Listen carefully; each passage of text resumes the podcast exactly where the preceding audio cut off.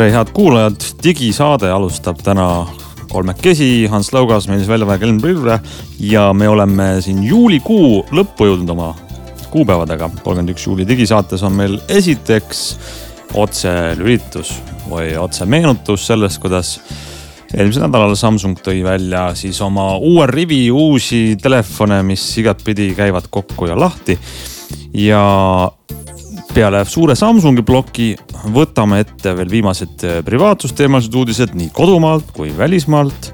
ja vast jääb meil aega peale nende põnevate teemade lahkamise võib-olla veel ühe seadme analüüsimiseks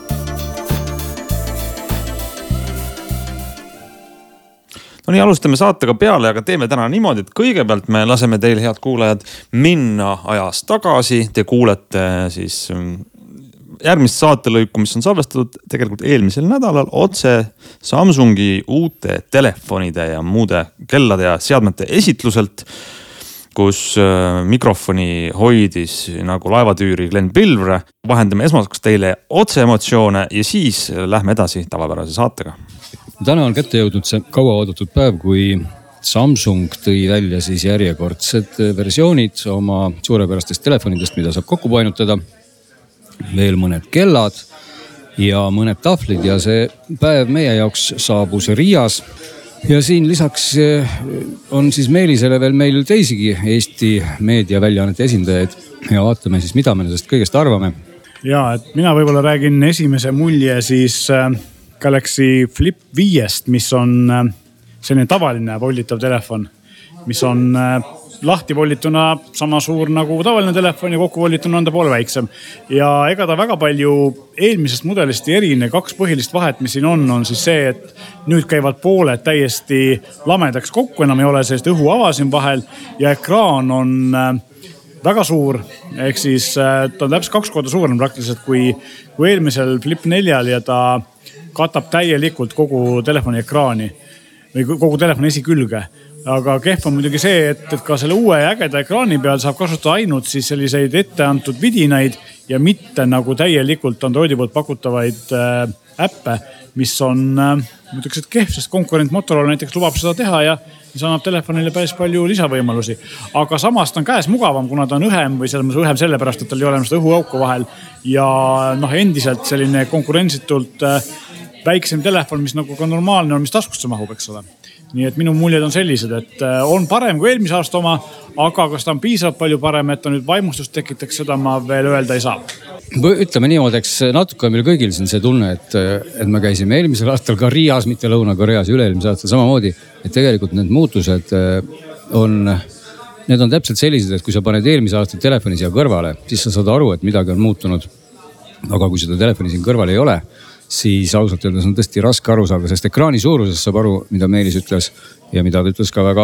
õigesti, et, et ekraani peal endiselt, olgu, et on suur, ei saa teha palju asju, mida võiks aga teha, et võiks ju olla täiesti täis Android, sest et äh, olgem ausad, iPhone'il kunagi oligi peaaegu sama suur ekraan ja seal peal äh, saigi päriselt kõiki asju teha, nii et tegelikult ikkagi sa pead tegema siis telefoni lahti selleks, et midagi teha kui on kellelgi veel muljeid, võtame siit kohe järgmise ohvri ette, minu kõrval istub Marko no ütleme niimoodi, et, et telefonide suhtes nagu siin eelnevagi telefoniga, et, et kui kaks tükki kõrvuti võtta, siis tõesti aru ei saa. noh, peamine, mille puhul ongi see, et, et sa võtad kätte, ta on õhem ja tal on ära kaotatud see hinge juurest pilu, kuhu põhimõtteliselt mahuks niisugune, no ma ei tea, mis ta võib olla, neli milli on vahe, et seda enam ei ole aga olles ise sihukene võib-olla mõningate unehäiretega, siis uue kella puhul jäi silma see, et et eh, nad on veelgi parandanud seda unemõõtmist, iseasi, kas sellest mingit kasu on, kas sellest midagi õppida on, kas ta soovitab päriselt midagi nagu teha ka või on see järjekordne mõttetu andmekogum, millega ei ole mitte midagi peale hakata ja, ja noh, siis muidugi erakordne sündmus, nagu seda mainiti, et lõpuks ometi võttis Samsung kuulda ja pani eh, telefonile siis eh, selle rulli, millega saab eh, režiime vahetada kellal, pani selle tagasi. noh, umbes samamoodi nagu üle-eelmisel kellal. sa ütled siis kellale ikka, mitte telefonile, eks ole? kellale jah, kellal on, et kellal on une, une mõõtmine ja siis on see, kuidas see, mida seda rullikut või asja nimetada mööda ekraani serva liigub, et mis eelmisel kellal kaotati ära, üle-eelmisel oli ja üle-eelmisele, kui see tuli, siis öeldi, et oo, me võtsime kuulda, sest nii väga taheti ja nüüd siis kaotati ära ja pandi jälle tagasi, et noh, vaatame, mis järgmine kord on. ja muidugi tahvli puhul, mis jäi silma, et äh, tahvel on IP kuuskümmend kaheksa, see on veekindel, sa paned talle mingisuguse vähe tugevama korpuse ja sul on reaalselt olemas äh, suur seade, mille sa saad kaasa võtta kuhugi kohta, kus võib-olla on oht, et äh, see saab märjaks. No ütleme kellade puhul siis täpsustame siis üle, et selle kella number on nüüd kuus. eks ole, see on siis Samsung Watch kuus ja kuus Classic millel kõik asjad on läinud natukene paremaks, aku on natukene suurem, on tulnud, ekraan on suurem, on tulnud see rõngas ümber ekraani siis tagasi, siis klassikul, eks ole, on tulnud rõngas tagasi. ma siin täpsustan kogu aeg Marko käest, kes on, tundub spetsialist, et mul ei ole täpselt meeles. ja siis teine kell on ilma selle rõngata, natukene pisem aga, aga tõesti erakordselt suur vahe oli selles nagu raami või ütleme selle ekraani äh, pinna ja raami osas, et ekraani pind ulatub siis peaaegu noh kella servani. sarnane nagu S kahekümne kolme puhul äh, oli see, et, et äh, telefoni oma mõõtmed on säilinud sarnaselt nagu kellale, aga ekraani pindala on suurenenud ja kellad juba siis ka rääkisime peaaegu ära, noh aku vastupidavusest muidugi eh, päris täpselt me ei ole aru saanud, aku oli läinud kakskümmend kuni kakskümmend üks protsenti siis suuremaks eh, maksimaalselt sellel klassikul. aga endiselt jäi mulle silma, et milliamper tunde oli seal ikkagi suhteliselt vähe, ta oli kuskil kolmesaja kanti ja, ja kui ma nagu umbes peast peaks meelde tuletama, siis Huawei kelladel on see ikkagi mingisugune viiesaja pluss milliamper tunni kandis, nii et, et ega arvata võib, et ega see Samsungi kell nüüd mingeid rekordeid selle akuga ei löö. Et Samsungi kellade puhul on eh, ka varasematel aastatel ja ka see aasta see suur vahe, et tohutult suur erinevus on aku mahtuvuses väiksematel ja suurematel mudelitel, see on peaaegu kahekordne, pooleteistkordne. ja teised kellatootjad nagu suudavad panna ikkagi suuremaid akusid sinna sisse või tahavad, panevad. miks see nii on, ei oska öelda, aga jah, et praegu on ikkagi samamoodi nagu eelmine aasta, et isegi kui ma tahaks väiksemat kella, siis ma Samsungi omas ma ilmselt ei saaks väiksemat kella osta, sest et selle aku on lihtsalt niivõrd palju väiksem. suurematel mudelitel neljakümne neljast, neljakümne seitsme tollist millimeetristel on see aku tegelikult nagu okei suurusega. aga kui me tuleme veel korraks tagasi telefoni juurde, et mis on siis nagu muutunud võrreldes eelmise aastaga, me lugesime enam-vähem ette, ei ole ekraanil seda vahet. on väljas suur ekraan, kas aku mahus on ka mingisugune erinevus, kas keegi oskab seda mulle niimoodi öelda peast? Flipi puhul ma ei oska seda öelda, aga Foldi puhul, suurema telefoni puhul, mis tahvliks voltida, voltida saab. sellel oli küll täpselt samasugune aku, neli tuhat nelisada milliamperi tundi nagu eelmisel aastal ja selle aku on ikkagi nagu noh, praeguse tänapäeva mõistes ikkagi väike, eriti võrreldes konkurentidega, kellel enamasti Huawei'l on nelja tuhande kaheksa milliamprine vist äh, volitaval, nii et. et selles mõttes noh, see on ilmselt sellepärast, et nad üritavad sinna, ma ei tea, siis kuidagi. arvestades sellega, et ta ei ole nagu tegelikult ju õhuke, eks ole, ta on suhteliselt paks ikkagi siiamaani. et kuidagi jah, nad on jäänud jäänud nagu oma innovatsiooniga teistele jalgu, et vanasti Samsung nagu vedas seda volitavat innovatsiooni eest. siis nüüd nad on kuidagi nagu järgi sörkima, eks vaatame, mida nad järgmine aasta teevad. Indrekul oli kindlasti nendega kohta midagi öelda no olles kasutanud seda telefoni umbes aasta aega, võin öelda, et selle aku peab praegusel hetkel vastu päeva ja kahe vahel, et see tundub olevat selline täiesti keskmine Android telefoni aku vastupidavus. kui sa teda keskmiselt kasutad, kui sa kogu aeg teda ei näpi ja, ja kui vaadata üldse, mis siis selle mudeli uuendusega või indeksi uuendusega muutus, siis tegelikult revolutsiooni ei ole, see on hästi vaikne evolutsioon ja mida on tegelikult Samsung võib-olla kõige olulisemana teinud, on see, et on teinud kummarduse oma kõige nooremale sihtgrupile, kes armastab selfie sid teha. sest äh, oleme ausad, see on äh, väike muudatus, aga võimalus tagakülje kaudu pildistada nii, et sa ei pea kätt sirutama, telefoni mujale panema ja kõik muu taoline, saades küllaltki korraliku pildi. see on võib-olla kõige suurem muutus, sest oleme ausad, see, kui seal on paksus nüüd seitsmeteist millimeetri asemel viisteist see taskus enam rolli ei mängi, et kes leiab, et see Flip on väga hea telefon, see leiab ilmselt ka viie puhul ja kes seda varem ei leidnud, noh vaevalt nüüd need asjad väga olulised argumendid temaks on. aga selle selfie koha pealt ma just tahtsin küsida, et, et tegelikult ka eelmise telefoniga sai ju seda selfie't teha samamoodi või tuli sellel viiel nüüd midagi kuidagi eriti ägedat selle selfie'ga juurde, said sa aru? Äh, ma sain aru nii, et see on tarkvaraline funktsionaalsus juurde lisatud, mida eelmisel ei olnud. ja noh, muidugi ilmselgelt sa saad siis sellel välisel ekraanil vaadata väga suurt pilti, mida parajasti Meelis mulle ka näitab, kus ma saan lehvitada endale sest tõesti, see väline ekraan on nii suur, et ta katab ikkagi peaaegu ära selle kokku volditud telefoni pinna, on ikka väike väljalõige seal kaamerate osas. Samas seda välise ekraani suurust ei ole võib-olla alguses mõtet üle tähtsustadagi ärikasutaja puhul, sellepärast et praegusel hetkel eelmine mudel ehk siis Flip neli võimaldab eh, põhifunktsioonid kätte saada, sa näed, kes helistas, sa näed, et sulle keegi Messengeris kirjutas, sa saad kella, kõige selliseid hästi lühikesi ja olulisi infot kätte ja uue puhul saad sa seda lihtsalt natukene rohkem ja pikema tekstiga, aga kui sul on vaja juba telefoni telefonina kasutada, siis ilmselt volita lahti. no sellest ongi natukene kõige rohkem kahju, mida me siin Meelisega ka arutasime, et, et see väline ekraan oleks võinud olla funktsionaalsem, et kui nad teevad selle ekraani suureks, siis eh, jumal küll, miks ei saa seal rohkem asju teha? no kui võib-olla Samsungile puudujääkidest rääkida, siis kõige rohkem on minul kahju sellest, et kaamera ei ole muutunud. kaamera on küll tõstetud veidi teistsugusesse kohta. aga optika ja tarkvara selle taha on jäänud täpselt samaks ja sellest on kahju, sest see on tegelikult selle Flip nelja kõige suurem nõrkus siin äh, tõstataks selle, et hästi palju me vaatame neid äh, milliampertunde ja siukseid asju. küsimus on nüüd see, et kui palju see üldse oluline on, sest okei okay,, et siin äh, ultratelefonil on viis tuhat milliampertundi, aga samas võtame mõned aastad tagasi oli Huawei'l Mate kümme Pro, meil ma just vaatasin järgi, oli nelja tuhande milliamperine aku ja reaalsuses see aku on siiamaani üks kõige paremini vastupidavaid Androidi telefone. et see oli sihukene kolm päeva täiesti reaalse kasutuse juures. ja sama, mis on nende kellade puhul, et noh, siin mingid Xiaomi'd ja asjad, mis on üsna ligilähedase funktsionaalsusega kohati. noh, nende aku on tibatillukene, aga see kest, kell kestab sul nädala no aga võttes nüüd see, et miks see võib-olla sul Samsung, ma ei tea, kui palju me peaksime seda teistega võrdlema, et jah, me võrdleme teda võib-olla Garminite asjadega, nüüd võtame seda, et tegu on pisikese telefoniga, mis sul käe peal on. see suudab sul samal ajal ütleme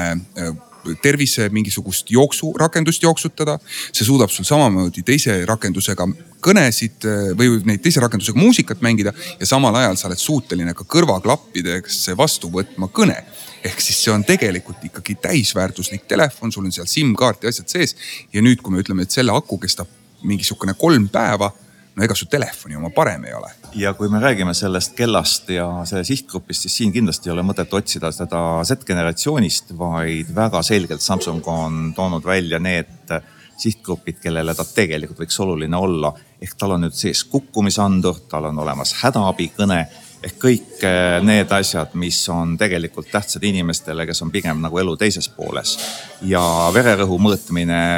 pulsi mõõtmine, need on väidetavalt nüüd muutunud veelgi paremaks ja täpsemaks. Need on väga hea, et sa mainisid neid asju just, sest et seni on ikkagi Apple Watch olnud alati see, kes on, on selle tervise ja igasuguse kukkumise ja, ja kõigega olnud noh, nagu lati tõstnud väga kõrgele. et tehtel seda sellisel kujul ei olnud, ma saan et nendel uutel Samsungi kelladel nüüd põhimõtteliselt nendelt funktsioonidelt enam siis Apple'ile alla ei jää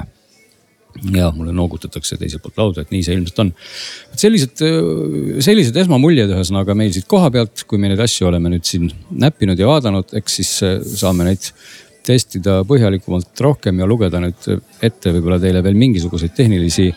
parameetreid, aga, aga jah, ühte võib küll öelda, et sellist äh, väga suurt nüüd, äh, väga suurt revolutsioonilist pauku siit kindlasti ei tulnud. aga see-eest on hea uudis ikkagi see, et mitte ükski kell telefon ega tahvel ei ole muutunud halvemaks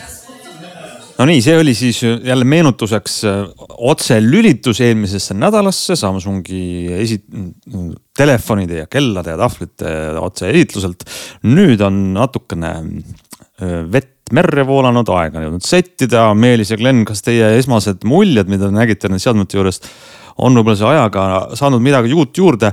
Või tegelikult mul on üks väga konkreetne küsimus, mulle tundub, et te nagu libisesite üle sealt, nende nii Flipi kui Foldi juures kõige-kõige-kõige tähtsam asi on seal see ikkagi see mehaaniline voltimismehhanism ja, ja kuidas ekraani peal seda volditud kohta näha on, kuidas see viienda seeria Samsungi volditavatel see välja kukkunud on? no seal ausalt öeldes äh, ei ole minu hinnangul mingisugust vahet, kui sa küsid seda triipu, mis seal keskel on, et ja. seal ikkagi on näha, et see ekraan on painduv ja see koht on seal ekraani peal olemas, küll aga nagu me seal kohapeal ka kõik üheskoos tuvastasime, et, et see kokkuvoltimismehhanism on seda, sedavõrd ägedam, et nüüd ei jää enam seda vahet siis sinna vahele, ta läheb tasapinnaliseks, kuidagi on see sinna peitu pandud, see ekraani murdekoht, mida Samsungil seni polnud ennem õnnestunud teha. aga jah, ühesõnaga vastates sinu küsimusele, et ega selle koha pealt küll mingisugust olulist muutust näha ei ole.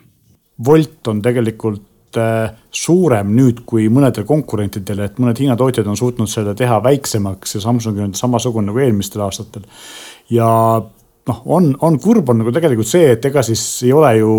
midagi halvasti, et telefonid on läinud paremaks natukene õhemaks ja just see, et nagu Glen ütles, et nad on nüüd volditavad siis täiesti lamedaks kokku, aga, aga teised tootjad ehk konkurendid on kuidagi nagu sellisest tagantpoolt startides Samsungist mööda jooksnud, et nad, Samsung mitte, et neil ei oleks võimet teha paremaid telefone, aga nad lihtsalt ilmselt üritavad mängida väga turvalist ja igavat mängu. ja ma arvan, et neil on nagu selle koha pealt, nad saavad seda endale mõnes mõttes lubada, et tegelikult ühtepidi teiste tootjate saadavus, eriti siin Euroopas ja Ameerikas on noh, neid pole olemas lihtsalt peale Pixli ja, ja võib-olla OnePlusi tuleb midagi välja. aga Aasia tootjad Euroopas võib-olla saad neid osta, mõndasid, mitte kõiki. aga USA-s sa ei saa praktiliselt mitte midagi osta, et Samsungil on seal nagu nii-öelda, saavad la, vabalt lammendada ja see annab neile võib-olla võimaluse olla konservatiivsem ja ikka müüa. aga teistpidi on see, et, et me teame, et volditavad telefonid on mõnes mõttes ikkagi sellised nišitooted, mida ostavad nohikud, ehk siis need inimesed, kes selle toote sihtgrupp on need, eh, ka surfavad netis ringi ja vaatavad, mida konkurendid teevad, eks ole, nad ei ole selline Samsungi tüüpklient, kes läheb operaatori juurde ja näitab näpuga, et ma tahan seda. ehk siis eh, selles mõttes on, on see kahe otsaga asi, et ühtepidi võiks Samsungil võib-olla lubada endale olla selline hästi konservatiivne, aga teistpidi see võib neile kätte maksta no mida nad esitlusel ka rõhutasid, muide ütleks siia veel vahele millest, kui ma ei eksi, rääkis Indrek, ütleme ära, kes meil seal ka rääkisid, Indrek Jakobson oli siis Accelerista esindajana seal ja oli Marko Haabit, võib-olla arvutimaailmast kõige rohkem tuntud. et Indrek mainis seal sedasama aspekti, et, et selfie kaamera on asi, mis on sellel telefonil siis läinud mõnevõrra parameetritelt paremaks, on avanenud suuremaks ja tegelikult Samsung on nagu selle telefoni siis sihtinud just võib-olla noh, ma ütleks võib-olla mitte nii, nii väga nohikute suunas, aga, aga just nagu noorte suunas, et. et kuna saab seda telefoni asetada lauale nagu ka ennem muidugi igasuguste nurkade alla, sa ei pea siis kasutama statiivi ja siis sa saad teha üliägedaid selfie sid ka siis esikaameraga või ka tagumise kaameraga ja see ekraan on seal suur, millest me rääkisime, nii et kadreerida saad siis ennast igatpidi. seda nad ka oma esitlusel kusjuures väga-väga rõhutasid, et ikkagi vaat selfie on nüüd see asi siis, mida selle kaameraga ja selle telefoniga on nüüd jube äge teha jah, aga, aga teistpidi on see, et ega kaamerad praktiliselt ei ole muutunud, et juba kolmas aasta on kaamerad kõvasti kehvemad kui Samsungi. ütleme nii, need on keskklassi telefoni kaamerad, mitte liplu olevad kaamerad, eks ole, et S kakskümmend kolm äh, seerial on kõvasti paremad kaamerad kui nendel. okei okay,, no äh, Foldil on veel nagu enam-vähem, aga ka Foldi kaamerad ei ole muutunud paremaks kui eelmisel aastal. aga Flipi kaamerad on ikkagi väga tagasihoidlikud tänapäevases mõttes ja vähe sellest, jah, nad ei ole nagu riistvara absoluutselt muutnud, nad on ainult muutnud siis tarkvaras natukene paremaks tehtud. mis ähm, tuleneb ilmselt sellest, et seal on uuema põlvkonna protsessor, mis võimaldab lihtsalt paremat pilditöötlust, eks ole, et, et seda, seda oskab Samsung ära kasutada. nojah, ja samal ajal nagu sa ütledki, et riistvara mõttes, mida me ei maininud seal vähemalt nii numbrites täpselt on siis ka aku ja laadimine, mis on täiesti identne, et Samsung ei ole siis äh, suutnud sinna või tahtnud panna ka suuremat akut, see on endiselt kolm tuhat seitsesada milliampertundi. täpselt sama aeglaselt saab seda ka laadida, ehk et kakskümmend viis vatti on siis juhtmega ja. laadimine, mõlemad üsna tagasihoidlikud numbrid üsna, üsna eriti kurb on see, et Foldil, mis on suur ja, ja lahti käiv, eks ole, tahvliks käiv arvuti või tahvelarvutiks lahti käiv telefon. on endiselt nelja tuhande neljasaja milliamprine aku, mis on noh, väiksem kui nii mõnelgi tavalisel pisikesel telefonil, eks ole, et see on ikkagi päris, päris kurb number jah, et, et see ei ole, ei ole hea lisaks muidugi see, et noh, Samsung äh, ilmselgelt hoiab sellega äh, arenduskulusid kokku, aga, aga ka see form factor või see, et see äh, kokku voldituna on Foldi ekraan hästi kitsas ja pikk, et see või kõrge, ühtepidi kitsas, teistpidi pikk siis, et, et see ei ole ka kõige mugavam, eks ole, et konkurentidel on sellel, seda ka paremini tehtud, aga no eks me näeme, mis järgmine aasta toob. teine asi muidugi äh, vist ma rääkisin ka seal äh, kohapeal esimeste emotsioonide juures seda, et, et Flipi kõige parem omadus on ikkagi see suurem esiekraan ja seal muidugi tekitas palju frustratsiooni see, et, et seda suure ekraani ärakasutamisvõimalusi on hästi vähe, eks ole, sest et, et tegelikult ei ei saa seal eriti midagi muud teha, kui ainult mõningaid vidinaid, mis Samsung ise on loonud seal kasutada natukene paremini kui varem. Ja jõudsin ma vahepeal ka vaadata mõningaid eh, Ameerika ajakirjanike esimesi nagu siis reaktsioone ja seal oli, öeldi ka seda, et tegelikult eh, Samsung eh, toob lahenduse, mis lubab siis kasutada seal välimise ekraani peal ka tavaäppe mingil määral. Google Maps, Netflix, sõnumid ja mingi kolmas asi oli veel, mis on esialgu toetatud. aga see jällegi on selline asi, et selle jaoks on vaja Samsungi lisatarkvara, mille nimi on Good Lock, millega saab igasuguseid äh, ägedaid asju Samsungi telefonidel teha, aga see asi ei ole saadaval meie regioonis, ilmselt ei saa ta ka nüüd saadaval olema, nii et jällegi üks asi, mis ameeriklastel saab olema, meil mitte. kas, kas see, mis sa räägid, on nüüd Foldi puhul või Flipi puhul ikkagi? Flipi puhul. Flipi puhul seal, jaa ja eks tegelikult äh, konkurent Motorola ju lubab välisekraani peal teha absoluutselt kõike ja ma olen nõus sellega, et, et ilmselt enamust inimesi ei huvita see, et selle ekraani peal, ma ei tea, jooksutada täisfunktsionaalselt mingit Twitteri äppi või midagi sellist. aga kuna see telefon ikkagi on nagu põhiliselt mõeldud sellistele noh, kuidas ma ütlen siis suunanäitajatele või, või äh, tehnikateadlikel inimestele, siis nendel, neid see huvitab ja see vähemalt aitaks nagu luua Samsungil sellist positiivset äh, meediakajastust ja mida nad nagu ei oska või ei taha ära kasutada, aga eks me näeme, mis saab, et tarkvaraga saab seda kõike teha, et seal ei ole ju riistvara takistuseks, et Samsung võib ka mingil hetkel ümber mõelda ja need lahendused meile tuua. nojah, ei tasu siin segamini ajada, siis ka Fold on siis see telefon, mis mille välimine ekraan ongi siis nagu päris telefonil ja sisemine ekraan on siis nagu tahvlil, eks ole, et Fold on siis sedapidi suur ja, ja ega Foldist ka me seal kohapeal vist liiga palju ei rääkinud ja ega me praegu ka tast liiga palju ei räägi, sest muutused on seal ikkagi erakordselt marginaalsed, seal on ka täpselt Just. sama suur aku ja täpselt sama kaamerakomplekt, on läinud kümme grammi kergemaks, ma vaatan, siin kaalub kakssada viiskümmend kolm grammi. aga ka ekraanindus on põhimõtteliselt äh, sarnaste parameetritega, et äh, mõõtudelt vähemalt ei ole mingit muutust, et äh, sees on endiselt seitsme koma kuue tolline selline nelinurkne või noh, ütleme siis ruudukujuline peaaegu ekraan ja, ja väljas on selline suhteliselt kitsas kuue koma kahe tolline. ja endiselt muidugi noh, tuleb öelda, et jällegi see, see Fold ka on ikkagi, ta on ikkagi paks. et, et see on see koht, kus meenub, meenub just meile see Huawei sama nagu form factor'iga telefon, mis on tunduvalt õhem, et, et Foldi koha pealt ikkagi saab norida, et kokku voldituna on ta selline üsna paras, paras klots. jah, noh, mul ikkagi nagu jäi, jääb nagu üldkokkuvõttes see mulje, mida nagu Meelis ka mainis, et, et Eestis vähemalt ja vähemalt siin Euroopa nurgas nagu konkurentsi ei ole väga palju. Androidiga volditavaid ju ei ole, Huawei ei ole Androidiga. ja, ja selles mõttes on mõnes mõttes Samsungi positsioon nagu ükskõikne, kas ta on paar grammi kergem, raskem või vanem või mitte, et kui see Fold noh, maksab ju ikkagi seal ligi kaks tuhat eurot, mis on sellise iPhone ähm, Pro Maxi kõige kallim iPhone'i hinnaklass, siis, siis on see, ma, ma arvan, ma lihtsalt vaatan seda turundussõnumit, mida nüüd Samsung kogu, kogu linna ja meedia täis pannud, et tule siis sinna Foldi või Flipi poole peale üle, ehk siis kui sa maksad juba nii palju ühe telefoni eest. et miks sa ei tule võtta midagi erilist ja, ja konkurents on pigem see iPhone, mitte mingi muu volditav, kui sa sellise telefoniga oled. et äh, huvitav on näha, mis saab just selle Foldi poole pealt Äh, siis, kui siin Euroopas hakkab midagi juhtuma, et praegu ongi, nagu sa ütlesid, et Samsung on ainus ja natukene on saada ka Google'i Pixel Foldi, eks ole. teisi siin väga meie kandis ei liigu, aga ülimalt tõenäoliselt, päris kindel on see, vähemalt kuulujutude põhjal, et selle aasta numbri sees tuleb äh, OnePlusi volditav telefon.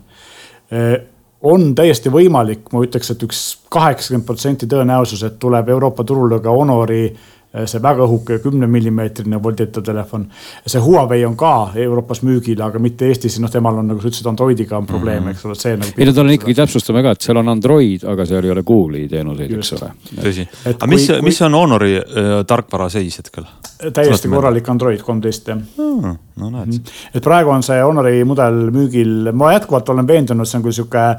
vandenõuteooria, aga, aga mulle noh ma nägin unes, ütleme siis niimoodi, et Honor on ikkagi eh, Huawei poolt rahastatud projekt, mille, mille lihtsalt on mingid variisikud, varifirmad, kelle kaudu see asi käib, aga disainid ja asjad on niivõrd sarnased, et seal noh, seal, seal on midagi kahtlast toimub, aga, aga, aga, aga, aga hoolimata sellest, et tehniliselt on tegemist väga hea seadmega ja kui see ikkagi tuleb äh, Euroopas müügile, siis äh, noh, sõltub hinnast, aga see saab olema väga tugev konkurent ja loomulikult OnePlus, kes on viimasel ajal tõestanud, oskavad teha väga häid telefone väga mõistliku hinna eest, siis äh, seal võib ka tulla nagu tõsine konkurent Samsungile. see oleks äge, see oleks väga äge. Just. Ja tahvlitest, äh, tahvlitest ma korraks mainin, et tegelikult on see selline noh, nendest kolmest uudisest kõige väiksem uudis, et Samsung uuendas oma Galaxy Tab S-seeriat, mis on see nende selline iPad Proga konkureeriv profiseeria või kallis, kallis tahvelarvuti ja. ja noh, tegemist on nišitootega, mis on nagu väga nišitoode, sest et kui inimene endale nii kallist tahvlit ostab või firma eest ta reeglina ostab iPad'i. kuskil Samsung natuke neid müüb ja võib-olla see mainiski väga palju mainimist, sest et tavainimesed väga palju ei osta, aga noh, ma nägin oma silmaga sain käes hoida seda kõige suuremat Galaxy Tab S9 ultrat ja see on neljateist poole tolline ekraan, viis pool millimeetrit paks, ehk siis ta on nagu üliõhuke, ülisuur, üliilus ekraan, et see on kuigi ta maksab väga palju ja, ja enamus, ma ütlen, mitte keegi praktiliselt seda ei osta või väga üksikud, siis lihtsalt see. palju on väga palju, kuule Meelis täpsustame mm. -hmm. ta on ikkagi mingisugune sihuke poolteist tuhat äkki või? ja sellele hinnale muide paneb ka veel päris kõva puraka juurde ka klaviatuuri hind, kui sa lisad sinna selle touchpad'iga klaviatuuri, siis selle hind jääb ikka sinna vähemalt kolmesaja viiekümne, neljasaja pluss euro juurde, mis kergitab, noh, kui sa tahad sellest tahvlist siis nagu päris arvutit omale kujundada, siis lisab veel peaaegu veerandi selle tahvli hinnast juurde, eks. just, aga mida ma siis tahtsin öelda, et, et hoolimata kõigest, kui sa vaatad seda tahvlit oma silmaga ja hoiad seda käes, siis sa saad aru, et ahah, siin ongi tegelikult innovatsioon, ehk siis see lihtsalt näeb nagu nii äge ja õhuke ja kerge välja, et, et selles mõttes on see on see nagu näide sellest, mida Samsung teha oskab. no vinge, ma arvan, et Samsungil vähemalt astuvad nad sama rada edasi, sama rada edasi stabiilselt, et äh, isegi kui ütleme pommuudiseid tänases saates vahendada ei, ei saanud, siis ähm, vähemalt tore on, kui maailmas on mingi kindluski, mingi stabiilsus. aga kas me jõuame selle saadega millestki muust rääkida? ja ma vaatan, et mm, võib-olla oleks korraks teha aeg ring peale uudistele, mis puudutab äh, privaatsust, meie, meie kõigi ühist äh, sellist äh, ähmast ja raskesti käekatsutavat äh,, aga ometi väga väärtuslikku õigust privaatsusele. ja võib-olla see uudiste voog saab alguse sellest, et juba paar nädalat tagasi siin Eestis mm, siseministeerium ühe andis siis äh, mõista siseministeeriumi kõrge ametnik kes on siis asekantsler Veiko Kammussaar, et, et aeg on Eestis ära lõpetada see, et on võimalik osta kõnekaarti, kasutada mobiilset äh, andmesidet, teenuseid anonüümselt. Lähed lihtsalt poodi, ostad, paned telefoni ja kasutad. Äh, paljudes riikides niimoodi teha ei saa ja paljudes riikides saab teha ja siseministeeriumi siis, siseministeerium teeb ju väga tänuväärt tööd, diskussioon ongi väga keeruline, neil on vaja panna trellide taha inimesed, kes rikuvad seaduseid, teevad ränke kuritegusid. ja et, ettekääne siis oligi see, et ähm, anonüümseid äh, kõnekaarte kasutavad inimesed äh, kuritegevuseks äh,. ma nüüd korra vaatan, kas teil tekitab selline, sellega see keeld, kui me enam ei saa kasutada, tekitab see teis suuri reaktsioone? ma mõtlesin selle peale ja, ja ma peaks ütlema, et äh, mul on kahetised tunded, ühtepidi on see, et ma saan sellest kõigest aru, kuigi ma pean tunnistama, et vaadates nüüd Kommussaare intervjuusid, siis ta ei ole ära põhjendanud nagu väga põhjalikult, miks seda tegelikult ikkagi vaja on. ja enamus neist väidetest, mis sealt välja on toodud on operaatorid praeguseks ka ümber lükanud ja mind nagu Eesti elanikuna Eestis mul ei oleks probleemi osta bensukast kõnekaart, kui mul seda vaja on ja siis top, toksida see oma andmed kuskile sisse. aga minu jaoks ikkagi kõnekaardi kasutamine põhiliselt on siis, kui ma nagu olen nii-öelda turist, ehk siis kui välismaalane tuleb Eestisse või mina lähen välismaale ja. ja ma olen aja jooksul ostnud nagu erinevate riikide erinevaid kõnekaarte, mille aktiveerimine on väga-väga keeruline ja just selline teenus, noh on, on selles mõttes on see nagu sellisele välismaalt tulnule on see nagu väga halb liik, liigutus ja. ja noh, see küsimus, kas, kuidas see mõjub privaatsusele, et kas meil peaks olema numbrid, mida ei saa jälitada. noh, samas teistpidi võttes tegelikult see ei anna ju mõnes mõttes midagi, sest igasugust SIM-kaarti on võimalik trianguleerida, jälitada ja viia kokku siis mingite tegevustega, asukohtadega, et. me elame nagunii sellises nii-öelda politseiriigis, kuna tehnoloogia seda lubab, et ähm, palju see juurde annab, ma ei oska öelda. iseenesest tundub mulle veits nagu pseudoprobleem. Nojah, ja teistpidi võiks ju ka öelda nii, et, et kui see noh, inimesega sidumine on, oleks kuidagi tõesti lihtne, et sa teed nüüd lahti mingi veebilehe ja, ja klõpsti seod selle endaga ära ja see info jääb ju põhimõtteliselt ikkagi kasutaja ja mobiilioperaatori vaheliseks nagu tehinguks või infoks, see ei tähenda nüüd seda, et, et keegi saab kohe näiteks sinu või selle kaardi numbri järgi teada, kes helistab, et, et sellisel juhul jääb ikkagi sihuke teatav anonüümsus ju tavalisele inimesele alles, et ütleme, kui inimene tahab mingil põhjusel omale noh nagu numbrit, mis ei ole tema nimega seotud, avalikult on tal võimalus see osta ja teistpidi, kui see registreerimine on lihtne ja sa lähed välismaale või vastupidi ja saad selle kohe klõpsti ära teha ei ole ka keeruline, nii et äh, ma nagu pigem ütleks, et ma jah, ma ei, ma ei näe siin otseselt mingit väga üks põnevat asi, probleemi, aga. ma, ma arvan, et üks asi on seal teostus tõesti, et kuidas siis seda päriselt tegema hakata ja kuidas siis registreerida, mis protsess siin e, e-teenused ja sada muud asja. teine mm. on natuke nagu lõpuks see, et noh, minu, ma arvan, meil kõigil oma tunnetus, kas see on okei okay või ei. küsimus on, kus siis Eesti omadega aastal kaks tuhat kakskümmend kolm suvi on. mulle tundub, et siseministeeriumis katsutakse seda piiri iga paari aasta tagant, et kuule, kas nüüd oleme valmis või ei ole valmis. see on tegelikult sama jutt nagu, kas sularaha on okei okay, või et kas see on okei okay,, kui pood ütleb sulle, et sularahaga maksta ei saa. ainult kaardid on. see on ju mugavam, kiirem, hügieenilisem aga ikkagi on suur hulk inimesi, kes ütlevad, et igast minu ostust ja asjast jääb jälg maha, seda on alati võimalik andmetest tuvastada, ka kaupmees saab seda jälge võtta. minu isikukoodiga, minu kliendi kontoga siduda saab riik, saab, saab keegi teine. et ma tegelikult ei tahaks elada sellises riigis, kus kõik on nagu logitud ja mobiiliside puhul samamoodi, et noh, et praegu, kui sa tunned, et sind sa tahaks elada nii, et sinust, sinu nimega ei ole seotud kõik veebilehed, mida sa külastad, kõik äh, tegevused. siis sul on võimalik osta see kaart täiesti legaalseid ja oma igapäevaseid asju teha. tegeleda oma, ma ei tea, mis X hobidega, mida sa tunned, et nagu piinlik on oma nime alt neid registreerida. ma ei tahagi mõelda, mis need on, aga kõik on legaalsed. et Eestis ma arvan, et on inimesi, kes tahaks nii elada ja, aga ma nagu selle koha pealt tahaks võib-olla, kas mitte vastu vaielda, võib-olla ma olen nagu valesti aru saanud, et ega siis see, kui sa selle kaardi ära nii-öelda isikustad, ei, ei tähenda seda, et sa oled nüüd kohe nii-öelda eh, kroonika esikaanel oma probleemidega, et noh, ma loen siin ka, sirvin paari intervjuud, kus tuuakse justkui näiteid, et noh, et kui ma tahan näiteks oma psühhiaatriga nüüd rääkida selliselt numbrilt, mis ei ole minu inim-, isikuga seotud. et nüüd ma enam justkui ei saa, no ega see psühhiaater ei pääse mitte mingi nipiga ju eh, ligi sellele infole, kellele see number kuulub, et veel kord, see number peaks ju jääma ikkagi mobiilioperaatorile lihtsalt selleks tarbeks, kui ma olengi juhuslikult mingisugune mõrvar siis edastatakse see vastavatele organitele, mitte enne, see, see, see kuidagipidi ei avalikustu. parandage mind, kui ma eksin. jah, vaat siin on kaks asja, esiteks noh, kui kuskil midagi kogutakse, siis neid äh, loksuvaid kruvisid võib piisavalt palju olla, et, et kuidas see sideoperaator neid andmeid hoiab ja kuidas see vahepealne keegi teenuste vahendaja, et see on nagu. miks midagi süsteemi teha, kust võib lekkida, kui lihtsam oleks elada, et, et kas selle pseudoprobleemiga on vaja tegeleda? nagu Meelis ütles hästi, et noh, et, et kas meil on praegu nii põletav probleem nende kõnekaartidega jah, et, et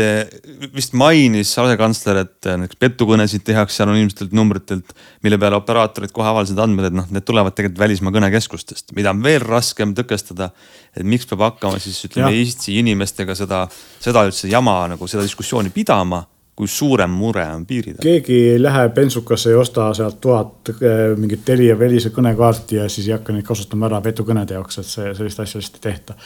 aga see ei ole efektiivne tegevus aga iseenesest, mis puudutab seda, et, et äh, see võiks olla tehtud nagu lihtsamaks ja mugavamaks, sellega ma olen nagu sada protsenti nõus, et ma olen näinud seda, kuidas see asi toimus Saksamaal, et kui alguses see registreerimise kohustus tuli, siis esialgu oli ju see, et sa läksid ja ostsid Saksamaalt kõnekaardi ja sa põhimõtteliselt ei saanudki registreerides, nad nõudsid Saksa aadressi ja vist ka krediitkaarti või midagi sellist. ja sa pidid minema sinna operaatori poodi ja leidma üles inimese, kes, kus ise saksa keelt ei osanud, kes nagu inglise keelt räägib ja siis veenma neid, et äkki ma annan hotelli aadressi ja nii edasi. mõne aja pärast muutus see selliseks, nad aktsepteerisid seda, kui sa elasid Euroopa Liidus pidid, võisid ka Eesti aadressi anda. teine asi on see, et kui sa nüüd ostad isegi selle kuskilt putkast või, või toidupoest selle kaardi ära ja saad seda tegelikult veebis või äpis registreerida, siis noh, punkt üks, veebiäpp on eesti või saksakeelsed, eks ole. teine asi on see, et äppi, äpp võib olla ka mõnes teises keeles, aga kui su Google'i või või Apple'i konto on registreeritud Eestisse, siis sa Saksamaal tõenäoliselt äppi alla laadida ei saa. mis on nagu noh, eriti keeruline, eks ole, et, et kogu see asi on tehtud keerulisemaks, kui ta võiks olla ja no selles mõttes ongi muidugi täiesti õige, et, et siin peaks väga hästi balanssi olema pandud siis äh, selline mõttetu vabaduste piiramise sildi all mingite jaburuste tegemine, kui mingisugust maailmakatastroofi planeerivaid kuritegusid nende kaartidega ei tehta. Versus siis selline kasutusmugavus üksikisikule, no paralleeli toome lennujaamades, eks ole, et täpselt on seesama koht, et kui palju meid seal turvaväravas siis äh, läbi katsutakse selle nimel, et, et lennukid alla ei kukuks, eks ole, et ühtepidi me ilmselt sööstaksime kõik lennuki peale oma vedelikke ja millega iganes kotis aga teistpidi me ei tahaks, et keegi sinna mingisuguse vedelikuga pommi veab, eks ole, et. et see ongi seesama koht, et me peame selle tasakaalupunkti leidma, aga üle muidugi ei tasu pingutada, et selles mõttes ma olen ka sada protsenti nõus, et. et see ei ole tegelikult mingisugune oluline probleem, vähemalt mulle tundub ja. küll, et mitte midagi hullu sellest ei juhtu, kui me ka neid kaarte ei isikusta. aga samal ajal ei ole ka mõtet nende uudiste valguses näha praegu mingit õudset tonti selles, et kõik andmed kohe hakkavad ka lekkima, nii et nojah, ehm, kindlasti ei ole ta üks ega teine, ta on selline tasakaalu otsimine, mul ja tundub, seepärast täpselt toimubki, et nüüd oli just nädal tagasi või mõni aeg tagasi oli ka eh, Ühendkuningriigis, Suurbritanniast tuli uudis, mis ju ei ole enam Euroopa Liidu liide, liige, valitseb iseenda seaduste üle. Eh, seal on selline uus seadusandlus mm, vastuvõtmisel, mille peale suured sidefirmad ja muide näiteks eh, telefonitootja Apple kes ju pakub krüpteeritud sõnumeid iMessage'iga, krüpteeritud kõnesid Facetime'iga, ütleb, et me paneme iMessage'i ja Facetime'i võib-olla Suurbritannias kinni, me peame välja tulema. kui selline seadusandlus vastu võetakse, siis seal on siis teemaks nüüd see, mida muide on ka Eestis, Euroopas arutatud, et kas ma üldse võiksin sulle või kellelegi teisele saata sõnumi nii, et seda keegi kolmas ei saa lugeda. seal on siis noh, seadusandluse väga üldistatult sisu see, et Eh, justkui siseministeerium Suurbritannias võiks saada kontrolli selle üle, milline krüpteerimine telefonide rakendustes toimub. Ja siis selle üle nagu jääb viimane sõna öelda, et noh, et nendel on nagu võimalus näiteks teatud olukorras midagi mitte lubada või lubada mingit sellist viisi, kus mm, seaduslik, ütleme siis politsei on võimalik näiteks kellegi sõnumeid lugeda, on ju. noh, et juba see piir läheb sihukeseks libedaks, et, et me kunagi ei tea, kas su telefonis olev see sõnumirakendus on nüüd päris okei okay, või see on, seal on mingisugune nõrgem protokoll sees või midagi muud sees. Ja Apple ütleb, et noh, nii ei lähe, et nii ei saa, me tõmbame välja. Õnneks, ähm, õnneks, mina ütlen õnneks, seesama Eesti intervjuus Veiko Kommusaar ütles ka, et äh, niinimetatud, see on siis äh, Whatsappi ja, ja Signali ja teiste krüpteeritud äh, äppide reguleerimisega edasi ei minda, sest oli ka Eestis jutuks see, et me teeme ka sellise reegli, et Eestis tohiks kasutada ainult selliseid rakendusi, kus on vajaduse korral võimalus äh, politseil ligipääs kõigile sõnumitele. no väga üldistatult on ju, kindlasti saab seda juriidiliselt nagu palju leebemalt öelda, aga aga õnneks seda praegu edasi ei minda, sest ma arvan, tegelikult te ütlesite väga hästi ära selle lõpptõdemuse, et kui äh, inimestel ei ole usaldust, et see äpp näiteks on äh, privaatne siis need, keda on vaja, kelle järgi kuulata on vaja, kurjategijad, need on sealt esimesena ära läinud leidnud uue Mõjugi. koha või uue viisi, kuidas. ja, ja lõpuks oleme siis ainult heatahtlikud kodanikud ja ülepüüdlikud ametnikud omavahel mm, ristamisi. aga aitab siis äh, privaatsuse teemadest praeguseks ja